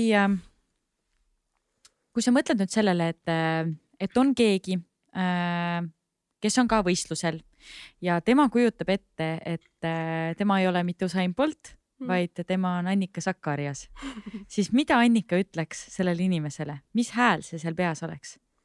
Oo issand, see on päris hea harjutus. ma olen isegi mõtelnud, et ma peaks salvestama, mida ma mõtlen pärast võistlusi ja siis ma vaataks seda ennem starti, aga ma ei tunne ennast väga mugavalt, kui ma vaatan enda mingeid videoid. see läheb lihtsamaks, mida rohkem sa filmid, seda lihtsamaks see läheb. lõpuks on juba täitsa savi. ja mida ma ütleks siis, et ära mõtle üle. seda on hästi lihtne või seda on nagu, see on nagu lihtne lause, aga kuidas seda tõlgendada Mm. Või mingid kindlad, mingid praktikad, mida teha? Mm, issand, mul nii palju mõtteid praegu peas, ma ei teagi. tulista kõik välja. okei, esimene mõte, ma küsisin äh, oma konkurendilt, kes mulle fotofinišilt neli korda pähe tegi. tervitused Marielale, tšau, kuidas läheb? küsisin ta käest, et kuidas, kuidas sa ennast vaimselt ette valmistad, siis ta ütleski, et ta, ta mõtleb, et võistlused on justkui pidu, et Grete rääkis ka sama jut- juttu, eks. et sa justkui tähistad seda, mis sa oled terve see aasta teinud ja nii edasi. aga ma ei tea, mul kuidagi ei tule see tunne. et võiks olla nagu hetkes nautida protsessi äh,, nautida kogu seda ärevust ah,. üks põhjus ka, miks ma sporti tagasi tulin, oli see, et, et eh, arenguvõimalus, see oli kunagi põhjus, miks ma lõpetasin, et see kunagi ei ole piisavalt hea, aga tegelikult sellest hakkas nii palju puudust tundma, et eh, see võimalus, et areneda, kuskile edasi jõuda. okei okay,, aga see tüdruk nüüd, kes tahab mõelda nagu... või poiss. ah,, vabandust, okei ei, või mees siis- või naine. mindset, mida võiks siis eh, endale sisendada ah,. mul on eh, üks selline Pinterestist viikingi sümbol, mis on kaks noolt, siis ma olen endale joonistanud siia käe peale. väga sarnane nendele nooltele, mulle väga meeldivad need. et eh, mis on siis, et you create your own destiny, et sa oled iseenda siis eh, saatuse sepp. jah, saatuse sepp. et, et tegelikult sul on enda tegevuste üle kontroll. Ja tegelikult midagi ju ei juhtu, kui lähebki halvasti, sa mõtled, et maailm variseb kokku, aga tegelikult inimesed ütlevad, et pole hullu, et järgmine kord läheb paremini, et, jah, see on kõik jälle peas kinni. et tegelikult ei juhtu mitte midagi, sa ju ei sure ära tegelikult. lihtsalt mine ja naudi. mine ja pidutse, see on sinu pidu, see on ja see on väga hea mõte, millega stardile, stardijoont äh, ületada. Nii noored, me oleme rääkinud ülikoolist, me oleme rääkinud õpetajaametist, sportlase karjäärist, kas me liigume EOK juurde ka? räägime ja räägi korra, mis asi siis see EOK on ja mida sa teed seal äh, spordikomisjonis, sportlaste komisjonis? Eh, kuulun tegelikult kahte sportlaskomisjoni, üks on Kergejõustikuliidu oma ja teine on siis Eesti Olümpiakomitee oma. ja milles ta siis seisneb, ongi see, et sportlaste hääl on, võetakse kuulda. Et kaasatakse protsessi, saame arvamust avaldada ja nii edasi mis arvamust avaldate mm,. või mis teemal? palju stippi võiks saada? no ja raha, raha on selline põhiteema ja esimesed koosolekud ol- ke- keerlesid kõik raha ümber. aga noh, on, mis ta on, eks. no aga see on vajalik selle jaoks selles mõttes, et ära elada. ja aga juba see mõistmine, et, et noh, mõtled küll, et aa, et võiks ju sportlastele nii ja naa, aga tegelikult sa näed, kuhu need kulutused lähevad ja siis mõistad, et see ei ole reaalne lihtsalt, Mhm. et on vaja leida alter-, muid võimalusi. aga s- kuidas seda kuulda võetakse? meie näiteks äh, Kergejõustikuliiduga oleme teinud koondise laagrites äh, ajurünnakuid, et alguses, et äh, minu isiklikuks eesmärgiks on ka siis see ühtekuuluvustunde suurendamine, et on küll individuaalsport, aga sa käid ju laagrites ja võistlustel teistega koos, et kui see turvatunne on taga, et siis äh, inimene sooritab ka paremini. ja siis oleme teinud selliseid väikeseid mänge koos ja siis sinna otsa ajurünnaku, et mida sa sooviks äh, kergejõustikus muuta näiteks, siis äh, tulevadki ettepanekud ja meil on seal päris mitu A4 juba ideid aga mis need kõige tüüpilisemad ettepanekud on, mis tuuakse välja? tüüpilisemad mm.. no tegelikult neid on ikka päris palju erinevaid paremad tingimused ja et füsioteraapiat ja massaaži ja mm. -hmm. sellised asjad. Et mis on meie kõigi peadest läbi lä- käinud, ka siis sellised äh, asjad, mis äh, vajaksid hästi suurt eelarvet, näiteks ongi tänavavõistlused, et võiks Raekoja platsil teha kõrgushüpet, teivashüpet, midagi sellist mm, Mhm. -hmm. tuua inimesed lähemale mm.. üks teemasid on see, et saada inimesi tribüünile, kuidas muuta see atraktiivsemaks ja. aga kas see on oluline, et inimesed oleks tribüünil? kas see on mingi piletiraha või midagi või, või nagu, mis see point on? See point on see, et sa saad selle emotsiooni, et eh, inimesed toetavad ja tunnustavad sinu rasket tööd. et see on justkui tasu selle eest, mis sa oled teinud mm. -hmm. ja see, kui inimesed plaksutavad samas rütmis ja lähed näiteks kaugust hüppama, et see tekib see sünergia kuidagi, see annab jõudu juurde mm.. näiteks eh, sellesama sportlaskomisjoni raames oli Kergejõustiku Liidul siis eh, European Athletics oli üritus Young Leaders Forum, kus siis kutsutigi igast Euroopa riigist inimesi kohale ja seal toodi laus- lausa selliseid näiteid, et äh, kas see oli äkki Islandil tehti vasaraheide, kus vasar pandi põlema ja ja Iisraelis tehti äh, äh, pimedas võistlus niimoodi, et tõkked ja latid ja odad helendasid neoontuledega ja selliseid asju. et päris palju asju on tehtud, aga noh, see oli mõte seda valgusshow'd Eestis ka teha, siis samal ajal kui näiteks Kadriorus on äh, valguskõnnib Kadriorus, aga see eelarve on hästi suur, et kõik sponsorid, kes meil siin praegu kuulavad, siis teate, kuhu oma rahasid paigutada, kõlab nagu väga põnev ettevõtmine. ja paneme vasarad põlema, palun. Aga kas, no vot vasarat sa ei tee, aga mõtle, paneme need tõkked põlema. ja okei okay,, ma just tahtsingi ütelda, et see on see koht, mille võiks välja lõigata, aitäh, see kõlab natuke julmalt. ei, ei, ei, see läks Ei, juba see ka on- see, selle tsitaadina kirja, nii et enam need ei võta kuhugile. siinkohal tervitaks meie võimsaid vasaraheitjaid Ka Katit ja Anna-Mariat. lahedad olete. jätkake samas vaimus. kas, kas see on siis jätkuvalt sport või see on juba meelelahutus? ja vot see, see ongi nii-öelda peibutis, et inimesed tunneks huvi siis äh, traditsioonilise ala vastu ehk siis see on ikkagi spordi jaoks vajalik selliseid asju teha? mm,.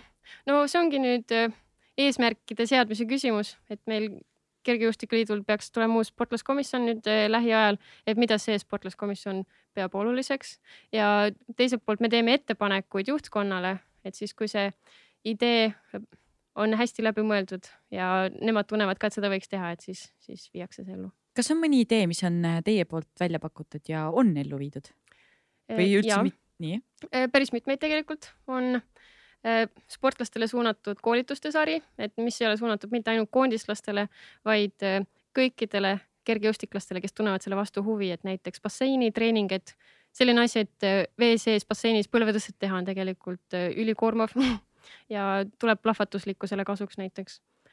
spordipsühholoogia, toitumine ja siis ka podcast staadioni jutud. see oli väga hea plaan, väga hea plaan, ütlen mina siinkohal. tore, rõõm kuulda. et mulle ka väga meeldib neid kuulata. kui keegi ei ole veel kuulanud, siis äh, Spotify'st leiate väga ilusasti ülesse. väga tore. Soovitame. kas me lähme, Sain, sinu lemmikteema juurde? no lähme minu läbi. maailmavaated ja keskkond. kuigi tegelikult äh, ma pean ütlema, et mul on päris raske neid lemmikteemasid valida ja vastavalt külalisele on need lemmikteemad ka veidike erinevad, aga räägime natuke keskkonnast. sa oled öelnud, et äh, sa oled, ma ei tea, võib-olla, ma ei tea, kas ma nüüd parafraseerin, aga sa oled looduse laps. ja sulle väga meeldib looduses käia. miks, mida sa sealt saad? mm. no me oleme üles kasvanud sellises keskkonnas, hästi palju maal käinud kartuleid korjamas ja äh, riisunud ja nii edasi.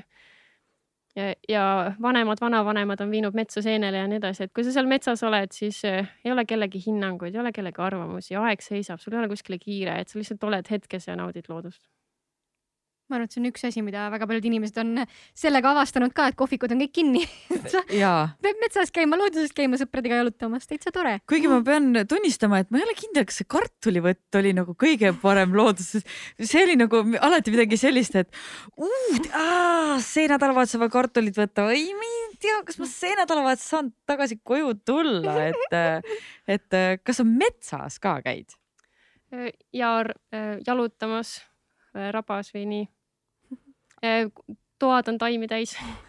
et kodus on väike botaanikaaed. okei okay,, siis ma pöördun sinu poole, sest et minul on imeline võime kõik oma taimed lihtsalt üle kasta või ära tappa. ma tahan teada, kuidas nende eest hoolt tuleb kanda. Äh, sama siin, et mul on mingi kaks kolmandikku lilledest, kelle ma märtsis panin potti, on ära surnud, nii et tuleb leida need lilled, mis sobivad sinu rütmidega. aa, okei okay., nagu kaktused siis põhimõtteliselt ja, ja kunstlilled.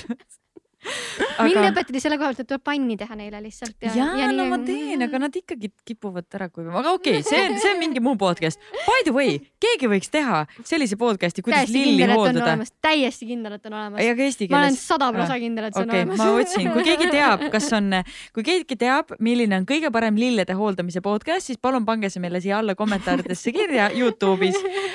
ja ma oleksin väga-väga tänulik või te võite lihtsalt saata selle mulle ka Instagrami, ma luban, ma jagan seda ka teistega.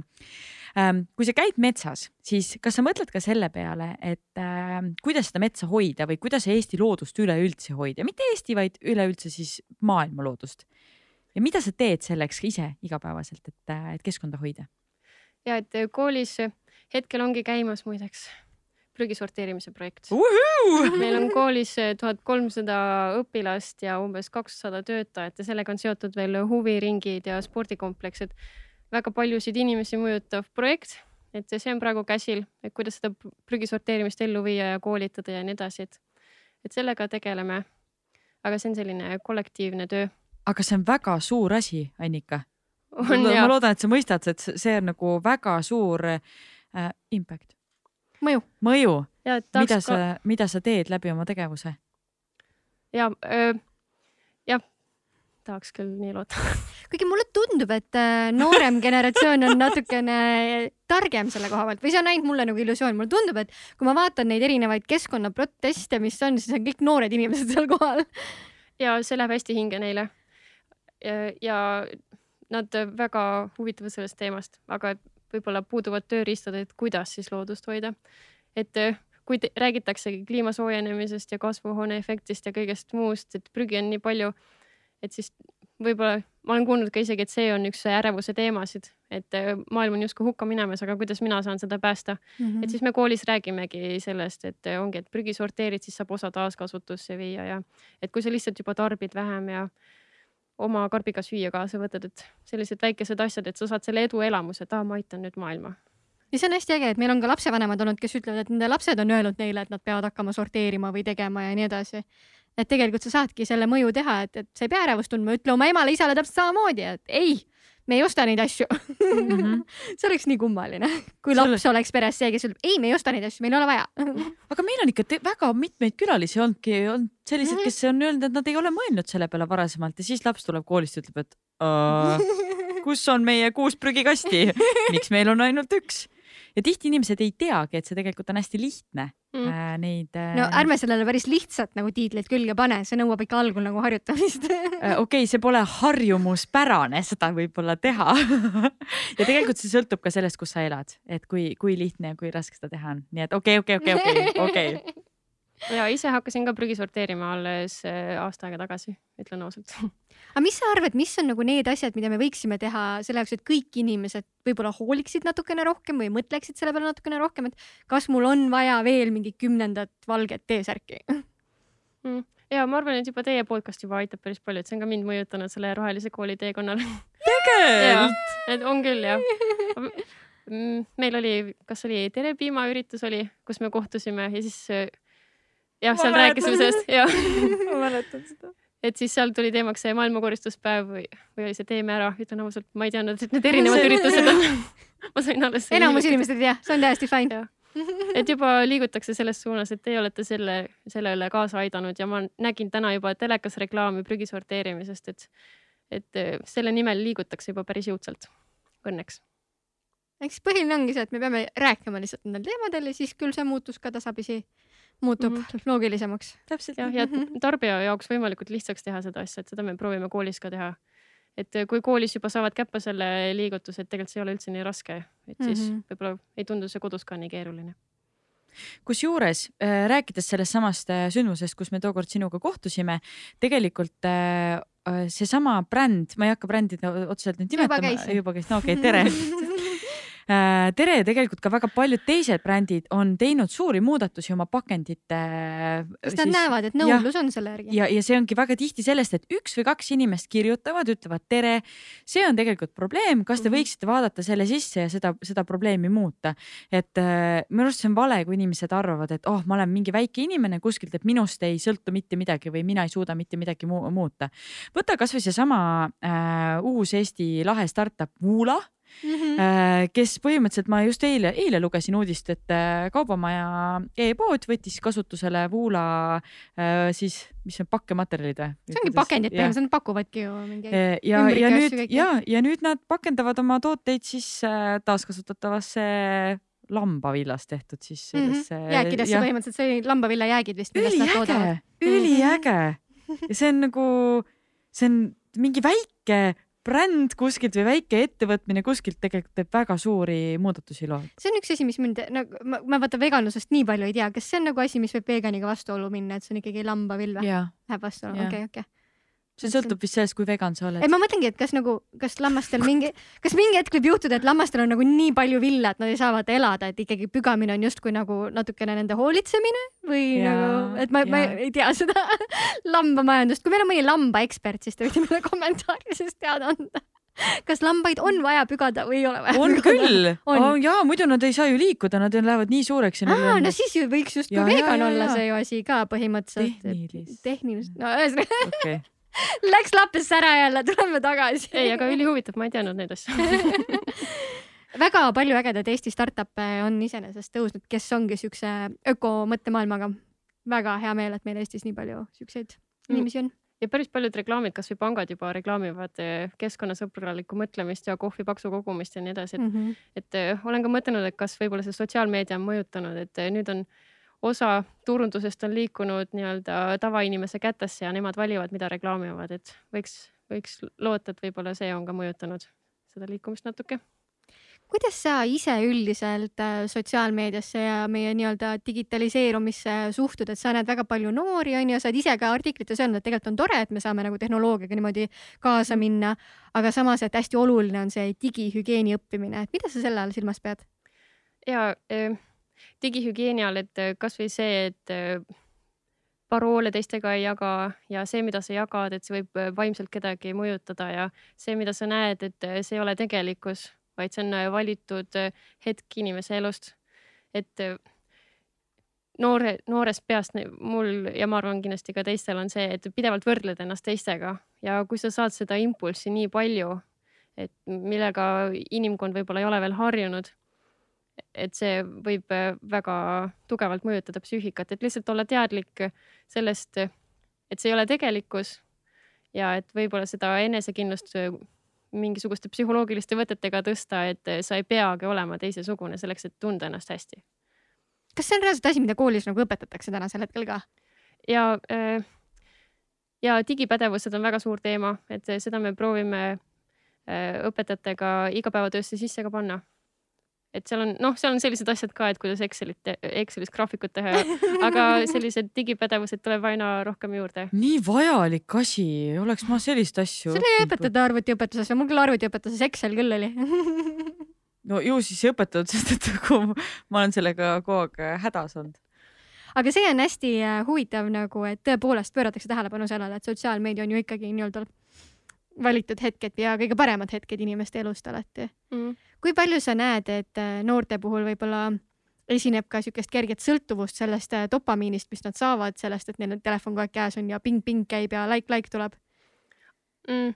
ja seda on ka palju. Äh, üks väga tubli õpilane ütles vahetunni ajal, et issand, ma olin eile kuus tundi Instagramis ja siis ma mõtlesin, et oi issand, kas te tõesti olete nii palju, et noh, ma näen küll, et nad mängivad teinekord, aga et mm -hmm. nad nii palju aega seal veedavad et eh, jah, sellest olen proovinud ka enda tundides rääkida, et eh, miks on see vajalik, et me tunni ajal ei näpi mobiili ja vahepeal ei vaata muid asju.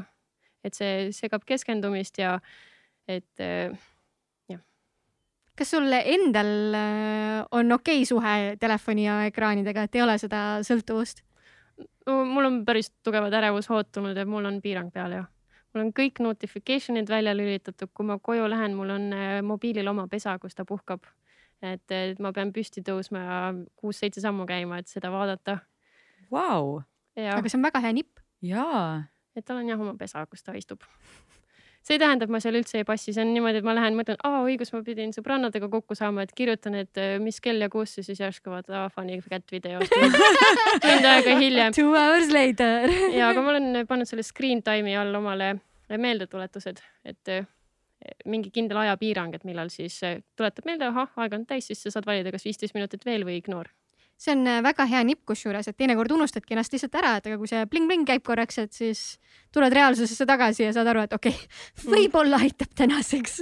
ja alguses see tekitas päris palju arusaamatust sõprade seas, aga kui ma seletasin neile lahti, et, et jah, et mul on seda vaja, et puhata, et siis nad said aru, et siis ma ütlesin ka neile, et kui midagi väga kiiret, et tahate sama päeva õhtul kokku saada, et siis võib helistada mul sõbrad olid ka, et nagu Kari, miks sa kunagi Messengeris ei vasta, mul ei ole notification'id peal, kui sa oled ukse all, siis sa pead mulle helistama, sa oled ukse all, sest ma ei näe Messengeris seda aga tegelikult see on lihtsalt, äh, see on väga lihtne lause lihtsalt, et sa ütled, et mul on nii mm -hmm. ja kui te, kui ma ei vasta sõnumitele, siis palun helistage. jah, no see võib ma ei tea, ma ise mõtlesin, kui ma seda ütlesin, et see tundub veits ülbe, aga samas ma tunnen, et seda on mul vaja, et enda vajaduste eest peab ka seisma. no mina panen endale ikkagi aeg-ajalt peale märguanded, mis tuletavad mulle meelde, et Sandra nüüd peaks minema trenni. näiteks tegin endale uue mm. ja Kairi arvab, ma ei tea, Kairi, mis sa arvad, et ma olen mingi kogu aeg käinud trennis? ei, ma olen ikka päris luuser olnud. ma olin šokeeritud, sa peitsid vahepeal oma treeningud mu eest ära. ma peitsin, ma peitsin kõigi eest ära, sest ma lihtsalt tundsin, et ma ei suuda. ma praegu ei suuda. siis ma, ma kahtlustasin et sa ei tee trenni sellel ajal, siis ma kahtlustasin no ma olen näiteks äh, peale oma seda septembri jooksu, ma olen käinud nüüd kolm korda jooksmas põhimõtteliselt selle, selle aja jooksul nii et see on päris äh, keeruline väljakutse olnud. räägi natuke sellest, kuidas sina motiveerid ennast äh, trenni tegema ja kas sul ka on vahepeal sihuke tunne, et nagu ei viitsi minna? ja seda on päris tihti, aga rutiin aitab. nii, räägi natuke oma rutiinist. ja meil on tihtipeale trennid öö, tööpäeviti poole kuuest õhtul ja mul on ka samamoodi, et mul hakkab sellel kellaajal helisema, kui ma peaks kümne minuti pärast sõitma hakkama. et meelde tuletada, aga see, et juba teised inimesed ootavad sind kindlal kellaajal, et see ja see, et kui sa ei lähe, et siis juba, kui keegi küsib, miks sa ei tule, siis on juba mõtted vabandus välja, et ma ei saa ütelda, et ma ei viitsi, sest tegelikult ma tahaks seda ka teha ja aga et jah, rutiin ja äh, teised inimesed aga siin äh, pandeemia ajal ongi põhiline probleem olnud see, et sa ei saa teiste inimestega kokku saada, mis tähendab, sa vastutad ainult iseenda ees justkui. mm. et kas siis on ka mingeid siukseid motivatsiooninippe või häkke? Mm. ja juba kasvõi see, et kui terve päev toas oled, siis tekib tahtmine õue minna, et Mhm. kasvõi alustada väikestest asjadest, et nagu te olete rääkinud, et viisteist minutit jalutamist juba mm. -hmm. väik- alustada väikestest sammudest, et siis see tunne tuleb käigu pealt tegelikult. aga no kui ikka, ikka üldse ei tule. Ju siis on vaja puhata no aga kui sa ikka ei ole kaks aastat mitte midagi teinud. ah, siis on puhatud küll jah ma mõtlen, kas sa üldse suudad panna ennast selle inimese kingadesse või mõelda nii äh, nagu inimesed, kes ei ole sportlikud. sest mulle Jah. kohati nagu tundub, et, et spordiinimestel on nii, et siis me mõtleme, et aga mis siis ära ei ole, lihtsalt mm. -hmm. nagu lähed õue ja lähed teed, aga, aga inimesed, kes ei ole sport, neil on, see on kuidagi raske neil. ei on, ma mõistan seda maailma väga hästi, et, et äh, jah, see on stereotüüp, mis on mind äh, saatnud ka kogu elu, et kui ma ütlen, ma olen sportlane, et siis inimesed mõtlevad kohe, et kui nad krõpsu söövad, et siis ma hullult äh, judge in neid, tegelikult ka võtad sellega, ei üldse mitte, et ma just äh, eilegi sõin siin õhtul krõpsu, et ja ärme räägi, see on üks nendest cue-dest, mis mul tekitab kohe tunde, et ma lähen siia alla Rimisse ja võtan ühe krõpsupaki. aga kuidas motiveerida? võib-olla jah, iseendaga sõbraks saada ja rutiine luua ja mugavustsoonist välja minna, et, et see peab seest tulema, see tahtmine, keegi teine võib ütelda, et davai, teeme koos ja lähme nii, aga et, et see tuleb, see tunne, kui ikka väga vaja on. selle kohta minu arust Jalmar Vabarna ütles äh, väga hästi oma viimases videos, et äh, kui su prioriteet on su tervis, siis sa ei saa vabandusi endale tuua, et siis mm., siis sa peadki lihtsalt liigutama mis iganes viisil ennast, onju. ja et, et, kindlasti ei tahaks, et inimesed, kes eh, ei pea sportimist eh, enda jaoks vajalikuks või ei ole prioriteet, et nad ei pea ennast kindlasti halvasti tundma. et see on ka võib-olla põhjus, miks eh, avalikus kohtades ei taheta trenni teha, et mõeldakse, et, et antakse mingeid hinnanguid. aga et lihtsalt leida omale spordiala, mis meeldib ka, et mis tekitab elevust, et see, see on ka suht suur drive. ja kui sa teed seda, mis sulle väga ikka meeldib, et kasvõi Youtube'is tantsimine siis, kui keegi ei näe ja et sellised väikesed asjad, aga et rutiin ja siis jah, leida miski, mis väga meeldib. rutiin on vist tõesti võtmesõna, ma kuulen praegu seda Atomic Habits'it, mida kõik äh, soovitavad onju, seal on ka see, et kui sulle väga meeldib Netflixi vaadata, siis mingi vend vaata pani niimoodi, et äh, ainus viis, kuidas sai Netflixi vaadata, oli siis, kui ta ratast väntas. ehk siis ta ühendas selle ära, et tal meeldis väga teha nagu seda, et ta vaatab Netflixi ja selle jaoks, et ta saaks seda teha, siis ta peab natukene väntama kas see oli mingi habit stacking või mingi selline Ja, süsteem, et sa leiad, sa, sa seod ühe äh, harjumuse siis mingisuguse väga meeldiva tegevusega mm Mhm, -hmm. ja, ja sa tekitad nende vahel seose, et kui sul tekib soov vaadata Netflixi, siis sul mingil hetkel võib tekkida ka soov Ratasse. ratas sõita. aga räägi sellest, et äh, kuidas sinu treening nädal üldse välja näeb? Mm, et treenime kuus korda nädalas Mm. Mm.. meil on äh, kaks trenni on õues, neli hallis. kui on ettevalmistushooaeg kuskil siin oktoober-november, siis me proovime võimalikult palju õues olla, et halli kolime siis, kui on vaja spetsiifilisi harjutusi teha juba, mingeid kiiremaid sprinte, hüppeid, tõkkeid joosta mis te õues teete? mm.. näiteks Kadriorus käime jooksmas, me jookseme soojaks äh, paar kilomeetrit, siis pargis? Ja Aa. ja me Nõmme metsas käime ka ja me kolisime nüüd Kadrioru parki, sest selgus, et enamus inimesi on sealpool Tallinnat et siis oleme teinud näiteks kuus korda kakssada meetrit. niimoodi, et jooksed ühte otsa, siis stopperi pealt võtad kolm minutit pausi, jooksed tagasi. et sellises tempos, mis endale haiget ei tee, aga samas on selline kiire ja intensiivsem. Lumeshüpped on väga lõbusad näiteks. kõlab tõesti väga lõbusalt. jah, on, see on algus niimoodi- väga raskelt. ei, niimoodi tundub jumala lõbus nagu lumes hüppad, lihtsalt hüppad küljega oota, sa mõtlesid sporti või? sporti peab tegema, ma mõtlesin, ma lihtsalt hüppan lumme noh. lumme hüpped. head paksud sokid jalga ja tossud saavad ka puhtaks, et tegelikult see on päris hea variant. jah, jah, mäkke jookse teeme hästi palju, liivashüppeid. et Nõmmel on hästi palju liivaseid künkaid, siis teeme, jookseme üles, jookseme alla. Isegi üks kolmesaja meetrine ring on niimoodi üles-alla, üles-alla, et see on sihuke okseralli. kui suur äh, osa on teil jõusaalil? täitsa pekkis, ma tahtsin täpselt sedasama asja küsida. kas meil on üks aju tekkinud vahepeal või? ma Kairi, ma ei ütle alati seda välja, aga meil on, mul on ikka vahepeal on ikka väga tihti neid hetki, kus Kairi küsib ära, ma olen nii mm. -hmm. lihtsalt right, sa ütlesid praegu sõna-sõnalt seda, mis ma tahtsin öelda, siis Ah. ma olen nagu mingi okei okay,, okei okay.. ma lihtsalt nagu, mul ei ole mingit seina ees, sa tead kõike, mis ma mõtlen. et me teeme oma soojenduse ära, mis kestab pool tundi äh,.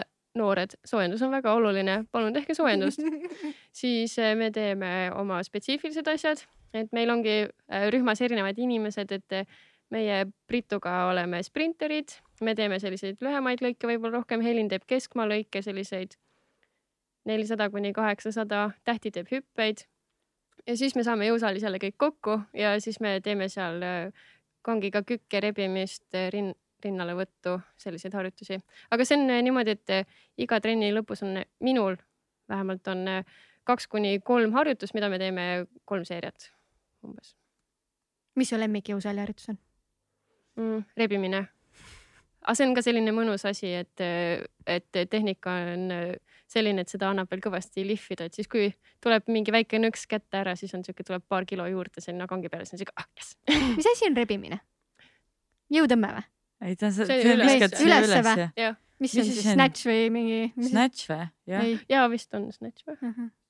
vist, no no ühesõnaga selge, nüüd mul on vähemalt silme on- ees see, nüüd mul on vähemalt silme ees. Thruster on see, kui sul on kangan siin ja siis sa teed neid ülessurumisi, onju. Mhm. vist peaks olema, ma ei tea. äh,. las see terminoloogia. jah, jah, see pole ju üldse oluline. peaasi, et kõik aru saavad, mis me mõtleme, onju. kas ma ütlesin, mu lemmik on, rebimine. ei, rinnale võtta. rinnale, okei. see, oota, aga su, su spordiala on enamasti jalad, miks nagu rinnalevõtt on see ongi nagu plahvatus. puusaga nagu, okei okay.. põnev. okei teeme siia ossa veel kaks äh, küsimust kummalegi. Äh, trenni, trennitamise kohta. kui sa peaksid puhkust, toitumine käib ka siia. aa, kas sa tahad puhkuse kohta küsida või? ma tahan toitumise kohta aa, okei okay,, no ma küsin puhkuse kohta siis. tegelikult mul oleks teine küsimus, aga okei okay,, ma küsin puhkuse kohta. kuidas sa puhkad? sihuke sissejuhatus. lühike vastus, vaatan Netflixi. nii, mis su kõige lemmikumad asjad on? oota, oota, aga see on oota see. soovitus ei, aga ma võin praegu ütelda küll, sest No mul on päris mitu asja on soovituses. ulmekad meeldivad ja siis loodusdokumentaalid nii, mõni ulmekas, mulle väga meeldib sci-fi mm,. Star track, mm. -hmm. Discovery Mm -hmm. mm.. Orville käis ka kunagi telekast, see oli Hmm., see oli ka selline, mulle meeldis. Stranger Things. aa jaa, muidugi. ma vaatasin seda nii ammu, see on juba meelest läinud. Dark ja kõik. Darkil on, oli uus hooaeg ju, eelmine aasta tuli. aa jaa, seda saab. ühe. päevaga. aga ma siiski küsin selle taastumise ja puhkuse kohta, et kuidas, kuidas sa treeningutest taastud ja mis sa teed? ma kasutan hästi palju massaažipüssi. et eh, kui on intensiivsed treeningud, siis peaaegu nelikümmend viis minutit la- ühe sääre peale, mul lähevad sääred ülikangeks. eriti kui me naelikud jalga paneme või siis libeda peal jookseme, et siis teinekord lasen üht säärt juba kümme minutit. aitäh, aitäh, Medpoint, see on ülihea asi. see näeb ülimõnus välja, lihtsalt ma vaatan kogu aeg, kui story'des sportlased me me tegime tipustopini jooksul äh, ei, me tegime te- endale, niipea kui ära jooksid, siis auto oli, auto tegi, siis lasid, istsid selle peale ja siis see väristas ja see tõesti eh, töötas. ma, ma ei tea, võib-olla olid ka need mamma pannkoogid, mis aitasid, aga, See ka kindlasti. okei, okei okay,, mamma pannkoogid, davai, läheb siis toidu juurde. sa oled öelnud, et sa toitud intuitiivselt, et äh, nii nagu keha ütleb, nii sa sööd, onju. Ja et see on põhimõtteliselt eh, peene sõnaga üteldud, et jah, kõhutunde pealt. aga kui ma sööks ainult kõhutunde pealt, siis ma oleksin nagu kahesaja kilone, sest nagu kõik hea on nagu hea. ei, on, on, mul on sama. võistlushooaja välisel ajal ma võtan kaks-kolm kilo juurde. oi-oi, kaks, Vau! kolm, oi-oi, oi-oi, tegelikult ka see ei ole palju või? see ei ole palju. aga kuidas sa nagu ohjeldad, et kas sul ei ole mingeid imelikke soove nagu krõpsud hommikuks, lõunaks, õhtuks? ei, on küll, see on äh,, toitumine tuleb enne võistlusi suurema tähelepanu alla, aga et äh, selleks, et aru saada, et äh, mis need kogused ja kaloraaž on, et ma olen hästi palju erinevaid toitumiskavasid teinud. MyFitnessPalli täitnud äh,, igasuguseid tasulisi versioone, igasugused äpid, et erinevaid retsepte saada ja niimoodi, et ma olen hästi palju eelnevalt oma elu jooksul neid asju teinud ja nüüd on tekkinud kuidagi selline arusaamine, et et kust läheb see piir, et äh, mul on söögiisu, sest mul on vähe kaloreid täna söödud või siis äh, ma olen nii palju näksinud viimasel ajal, ma ei suuda enam ilma olla. et seda piiri on raske nagu tabada, aga pean tunnistama, ma käin tegelikult iga päev hommikul kaalu peal ka mm. -hmm. ja ma söön nii nagu ma söön ja siis hommikul teen nagu tagasisidet, aa okei okay,, ma poleks pidanud õhtusöögiks nii palju pastat sööma aga kas nagu kaalunumberi, kas see nagu annab kohest tagasisidet ei anna, onju, see on ikkagi mingi viitega või, või nagu? ei, on ikka ja, aga jah, juba sellised asjad äh, kaalu peal tulevad välja näiteks, et äh, kui jõin päeva jooksul ainult kaks-kolm klaasi vett, et tihtipeale ma joon kaks liitrit vett, et mm, -hmm. et siis on juba järgmine hommik number parem, et sellised nagu mingid signaalid annab. Mm -hmm. ja see on see koht, kus ei saa endale valetada ka, et kui muidu unustad ära selle krõpsupaki, mis sõid, siis nagu kaal tuletab ikka meelde. -hmm. ja, ja kui käi- käin nädalavahetusel Saaremaal äh, vanaema juures, siis viis päeva ei kaalu ennast igaks juhuks okei okay,, mul on hea meel, et sul on ka ikkagi siuksed probleemid, ma mõtlesin, et sa oled mingi imeinimene, kes on kogu aeg näebki püss välja ja kõik elu on lill, aga mm,. see, ma ei tea, ma söön nii metsikult, näiteks sõbrannade juurde või külla lähme lauamängu õhtul, see on lihtsalt nagu käsi käib ja sa ei saa aru, kuni lõpuks on süda paha. see lähiajal oli just avastus, et ma mõtlen, et issand, ma räägin kogu aeg täis suuga siis ma mõtlesin, issand, mul on kogu aeg suu täis et see on nagu ma kodus ah,, see aitab ka kaasa, et mehel on magusavastu allergia, meil ei ole mitte midagi kodus. ja see on elupäästja või noh, no ei, ei, see on no, kaalupäästja. kaalupäästja jah, selles mõttes. okei okay,, noored mm, -hmm. meie soovituste nurga aeg mm. -hmm. Esimese soovitusena äh, midagi, mida iga inimene võiks oma elus õppida. ja äh, see võiks olla näiteks tingimusteta austus teiste inimeste vastu. aga kui ta on ikka väga douchebag nagu kas ma pean teda ikka austama? no ei pea, aga samas võib küsida enda käest, et miks ma panen üldse silte, kas see meeldib mulle või mitte. et see inimeste mõttemaailmad on nii erinevad, et ei pea lahterdama õige või vale, vaid on lihtsalt erinevad arusaamised. tegelikult tõenäoliselt see olekski nagu idüllilise rahuühiskonna valem austame üksteist lihtsalt. aga siis lähme järgmise soovituse juurde. üks asi, mida iga inimene võiks proovida mm,. klassi ette tulla, üks tund anda näiteks. kuigi see ei ole niisama lihtne, ma panin ka ennast kirja tagasi, ei, ja tagasi, tagasi kooli, kooli, et käia mingi üks-kaks tundi aga seda nagu toimima saada, et see ajaliselt klapiks kõikidel osapooltel on nagu tuumafüüsika, sest neil mm. ei ole normaalset süsteemi, kus sa saad oma aegu anda. see ongi reaalselt mingi meilivahetus edasi-tagasi uh.. nagu noh, lihtsalt nagu mm huvitav tagasiside, ma arvan. ei, nad ise teavad ka seda tegelikult, me mm. rääkisime ka sellest, et nad ütlesidki, et enamus inimesed kaovadki neil sellest hetkest ära, et äh, lihtsalt ei saa aegu koordineerida normaalselt. Vau, aga selleks on ju ka väga palju tasuta platvorme, mis seda võimaldavad? ei, mitte niimoodi, sest sul on nii palju koole, vaata, kes seal on omavahel seotud mm -hmm. ja mis tunnid ja kus siis ja et see on, ma tean, et nad koguvad annetusi, et saada see platvorm endale ehitada, aga, aga jah, keeruline. no väga äge, minge annetage äh, ja viimase soovitusena üks teos, mida iga inimene võiks äh, tarbida, olgu see siis raamat või podcast või teatritükk või äh, muusikapala mm,. ja ja märkmik tuli välja.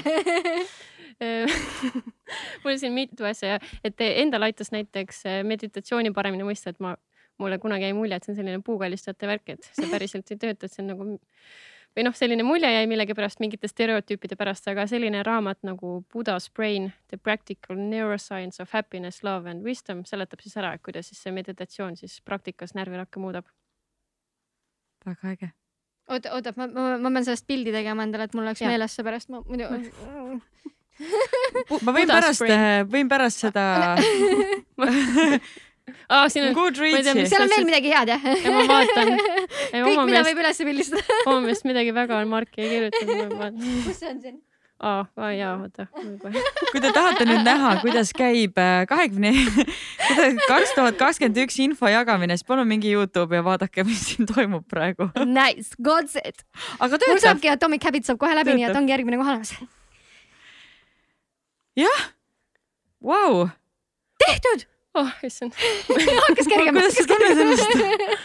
ei väga suur rõõm on, see on tõesti, ma ikka olen unistanud kaua sellest, et siia tulla. Suht sürreaalne on olla.